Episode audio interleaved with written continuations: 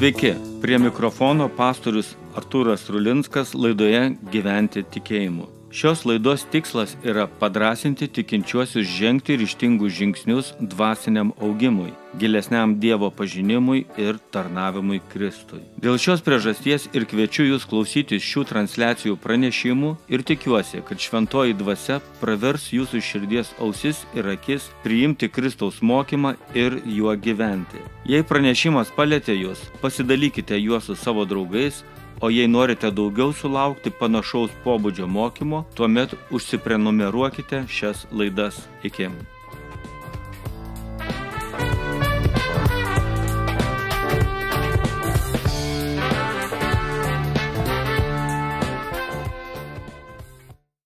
Žmogus pagal Dievo širdį. Karaliavimo metai šaltinis Betlėjuje. Pagal 2 Samuelio 23 skyrių.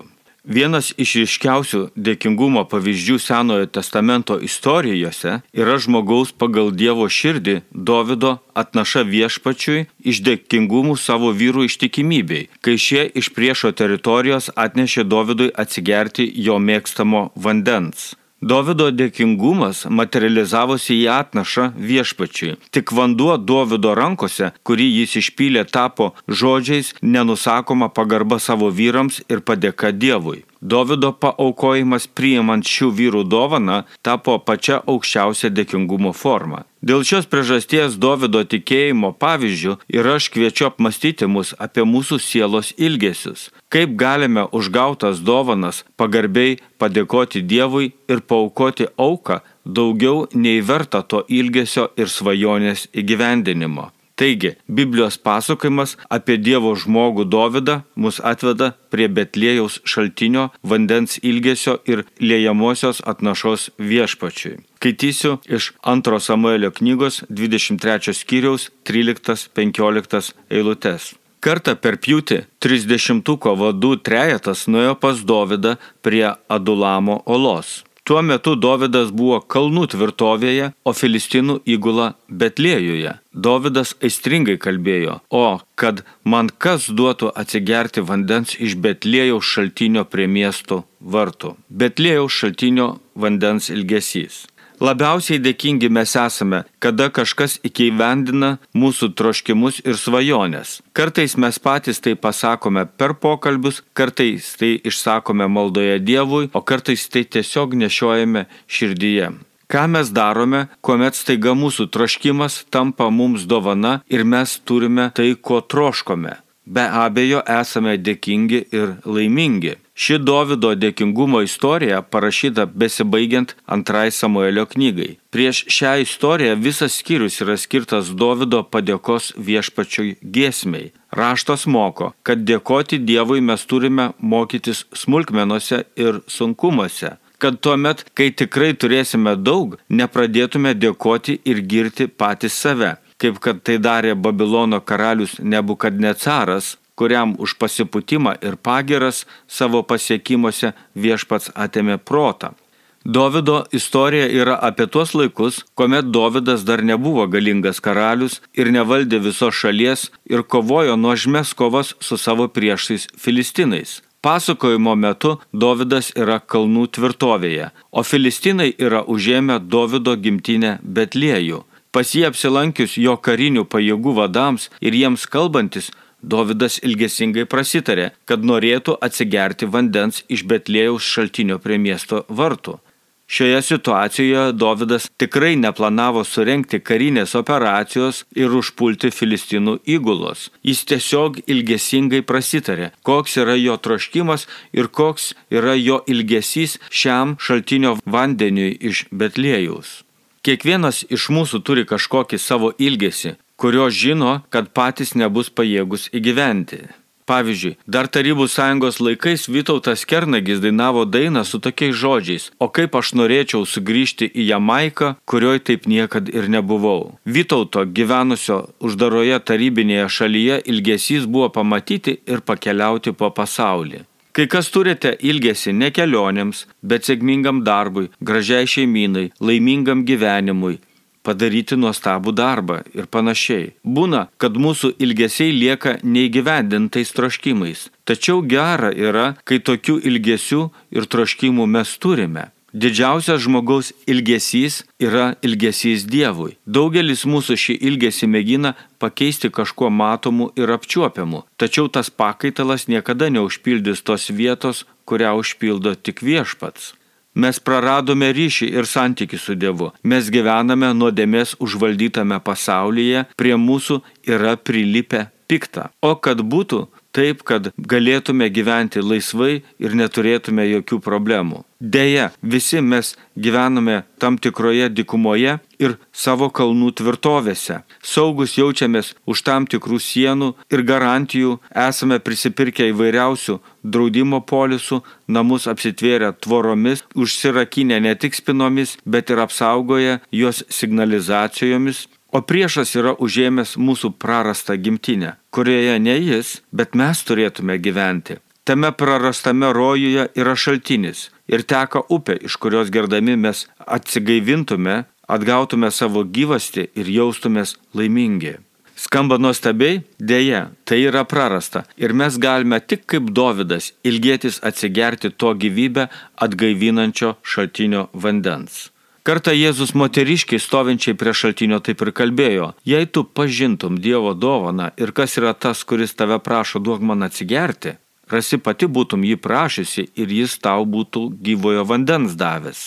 Evangelija pagal Joną, ketvirtas skyrius, dešimta eilutė. Jėzus kalbėjo sėdėdamas prie gilaus šulinio ir aiškiai pabrėždamas, kai jis gali duoti kitokio vandens, negu toks kaip šulinyje, kuris numalšina troškulį. Jėzaus vanduo numalšina sielos troškulį, tai reikia jo paprašyti ir jis jo duos. Dovydas visai negalvodamas, kad jo vyrai imsis karinės misijos, tarsi sėdėdamas su Jėzumi prie šulinio, iš kurio nėra kaip pasemti vandens, būtų jam prasitaręs. O kaip norėčiau atsigerti gyvojo vandens, kuris atgaivintų mano sielą, kuris numalšintų mano troškulį, gyvenant šioje išdžiuvosioje tvirtovėje, visada kovojant už savo buvį. Mes žmonės esame labai skirtingi. Vieni iš mūsų nieko netrokšta, tik tais turėti tai, ką kiti turi, tik tais prasimaitinti, susimokėti sąskaitas, patirti kažkiek džiaugsmo ir to yra gana. Dažniausiai taip yra, nes patikėjome, kad nėra gyvojo vandens, nes Betlėjaus šaltinis yra utopija ir iki jo nusigauti neįmanoma. Kiti iš mūsų visą tą patį žinome, tačiau vis dėlto trokštame Betlėjaus šaltinio vandens. Priešas nuolatos mums draudžia, mus grasina sužeisti ir gazdina mirtimi ir mums yra pasakyta, kad tai yra neįmanoma, todėl mes nenorime eiti prie Betlėjo šaltinio. Tačiau mums niekas negali uždrausti apie tai svajoti ir to gyvybės vandens trokšti. Mūsų siela yra laisva trokšti to, ko mums Dievas nori duoti. Todėl svajokime. O kas man duotų atsigerti vandens iš Betlėjaus šaltinio esančio prie miesto vartų. Antra, noriu kalbėti apie Betlėjaus šaltinio vandens atnašą viešpačiui. Skaitysiu 2 Samuelio 23 skyriaus 16-17 eilutes. Tada anie trys galiūnai įsiveržė į Filistinų stovyklą, pasėmė vandens iš Betlėjaus šaltinio prie miesto vartų ir parnešė jo Dovydui. Tačiau jo gerti jis nenorėjo ir išpylė liejamąją atnašą viešpačiui. Te saugo mane viešpats, tarė jis kad aš tai daryčiau? Argi galiu gerti kraują vyrų, kurie statė savo gyvasti į pavojų, užtat jis jo ir negėrė.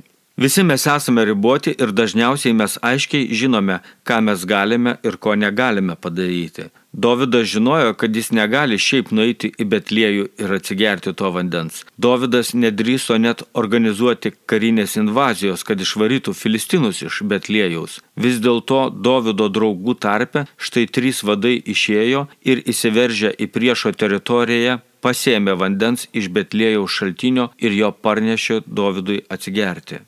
Nežinau, kaip jiems tai pasisekė, tačiau manyčiau, kad jie šią vandens pasėmimo operaciją atliko labai greitai. Filistinai tikrai nesitikėjo, kad į jų teritoriją įsiverš priešininkai ir pasisems vandens. Toks įspūdis, kad šiuo atveju net nebuvo mūšio, nes kol filistinai susigaudė, kas čia vyksta, šie vadai greičiausiai iš stovyklos jau bėgo su pasemtų vandens maišu. Vis dėlto tas netikėtumas niekiek nesumažino to pavojaus, į kurį jie įsiveržė rizikuodami savo gyvybėmis. Tai, ko negalėjo padaryti Dovydas, padarė jam ištikimi vyrai. Tai, ko negali pasiekti vienas žmogus, o gal ir per bendruomenę yra, per platesnę tikėjimo šeimą yra įmanoma tai padaryti. Klausimas, kurį reikia apkalbėti, yra tas, o kas yra tai, kas suvienyje šios žmonės ir kuomet vieni žmonės rizikuoja dėl kitų žmonių svajonių. Šie vyrai akivaizdžiai matė, kad be Davido jie neturės tokios valstybės, karalystės, kur jie galėtų saugiai gyventi ir auginti šeimas. Davidas labai aiškiai irgi suprato, kad be vyrų, kuriuos jis gerbė ir rūpinasi, jie negali įgyvendinti net paprasčiausios savo svajonės, kad ir tokios kaip trokštant atsigerti vandens iš savo miesto šulinio. Biblija mums rodo, kad mes būdami Kristaus bendruomenė turėtume sekti šiais principais - padėti vienas kitam įgyvendinti svajonės, kurias mums duoda Dievas, dalintis vienas su kitu savo svajonėmis, kad jos mums būtų žinomos ir mes vienas kitam galėtume padėti. Ne visos mūsų svajonės ir ne visi troškimai yra įgyvendinami. Tačiau kuomet mūsų svajonės yra paprastas šaltinis Betlėjoje, tuomet tai jau kažkas ypatingo. Jei tavo svajonė yra gyvenimas kupinas šventosios dvasios, tarnavimas Dievui, parama kitiems tikintiesiems, kurie kovoja dvasinės kovas, tai tikrai yra įmanoma. Šaltinis Betlėjoje, kas ypatingo apie šaltinį, apart to, kad Dovydas jaučia nostalgiją šio šaltinio vandeniui. Biblijoje Betlėjus yra nuostabių Dievo darbų vieta. Kai Jėzus palapinių šventės metu Jeruzalė skelbė kviesdamas, jei kas trokšta, te ateina pas mane ir tegu geria, kas mane tiki, kaip raštas sako, iš to vidaus plus gyvojo vandens srovės, Jam skelbiant žmonės aptarinėjo, kas tas Jėzus yra. Ar čia tas, kuris suvedžioja, ar tas Dievo pateptasis, kuris turi ateiti. Ir jų diskusijos pagrindas buvo, ne jau Mesijas būtų iš Galilėjos, argi raštas nesako, jog Mesijas ateis iš Davido palikonių iš Betlėjos miestelio, kur yra buvęs Davidas? Betlėjus iš esmės yra laikomas ir Davido, ir Mesijo gimimo miestais. Ar negali būti, kad Davido troškulys vandens iš Betlėjo šulnio yra susijęs su šiuo Jėzaus raginimu pas jį atėjus gauti šventąją dvasę ir tapti plūstančiųjų gyvojo vandens šaltiniu? Dovydui jau turint rankose vandenį iš Betlėjus, jis daro labai keistą dalyką. Vietoj to, kad jis gertų, jis išpylė jį kaip liejama atnaša viešpačiui. Betlėjaus vanduo Dovydui yra negeriamas, bet aukojamas viešpačiui. Vadų misija į Betlėjų keista, nes vandens, kurį jį parneša, Dovydas negeria, o sako, kad tai gerti tarsi būtų gerti jų kraują. Žvelgiant į šios žodžius, kuriuos pasakė Dovydas, tai ir Dovydas išliejo viešpačiui ne vandenį, o šių vadų kraują, kuris tikrai yra dėkingumo atnaša viešpačiui. Galutinėme rezultate jie parneša ne vandenį atsigerti, bet liejama auka viešpačiui. Vadai šiame pasakojime yra tarsi kunigai. Vadų misija Dovido dėkingumo dėka staiga įgavo daug didesnę vertę, buvo padėkota Dievui. Taip pat buvo pamatyta, kad yra įmanoma įsiveršti į priešo stovyklavietę ir pasisemti Betlėjaus vandens. Prisimenant Betlėjaus krūvinąją istoriją, tai kūdikių kraujas Betlėjuje taip pat buvo pralietas, bet kūdikis Dievo sūnus buvo saugiai išgelbėtas. Betlėjus yra ir gyvojo vandens, ir kraujo, ir Dovido, ir Dievo sunaus, ir pergalės prieš priešą, ir išminčių dovanų bei pemenų garbinimo, ir karo vadų tarnystės vieta. Būna taip, kad mes savo rankose turime tik tais daiktą, tik tais pinigą, tik tais gabumą, tik tais darbą, tik tais laiko, tik tais kančią. Tačiau tai imdami ir savo vargu ir riziką verždamiesi ir darbuodamėsi priešo teritoriją, mes į namus parsinešame Dievui paukotą padėkos auką parsinešame ir turime tai, ko pinigais neišmatuosi. Paprasti dalykai, kaip svajonės, papasakoti troškimai, tikėjimas, įprotis tarnauti, įprotis aukoti viešpačiui, mūsų kasdienybę paverčia nuostabia istorija Dievui ir jo žmonėms. Paprasčiausias Betlėjaus vanduo tampa kraujo auka Dievui. Pabaigai, kas yra tavo Betlėjaus šaltinio vandens ilgesys? Kokio gyvybės vandens trokšti savo gyvenime? Abromas taip laukė, o sulaukęs aukojo savo sūnų Izaoką. Juozapas laukė, kad galėtų sutikti jį pardavusius brolius, o juos sutikęs jiems atleido jų nusikaltimus.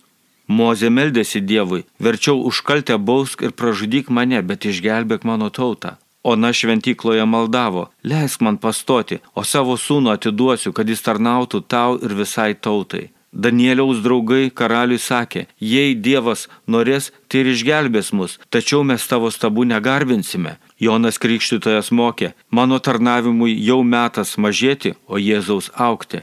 Paulius sakė, aš kasdien mirštu, kad galėčiau gyventi Dievui. Marija kalbėjo, aš tavo tarnaitė, tebūnie man taip, kaip pasakėjai. Jėzus ant kryžiaus tarė, tėve, atleisk jiems, nes jie nežino, ką daro. O kas yra tavo ilgesys, kurį jei ir gautum, tačiau galėtum tuoj pat ir Dievui paukoti. Iki.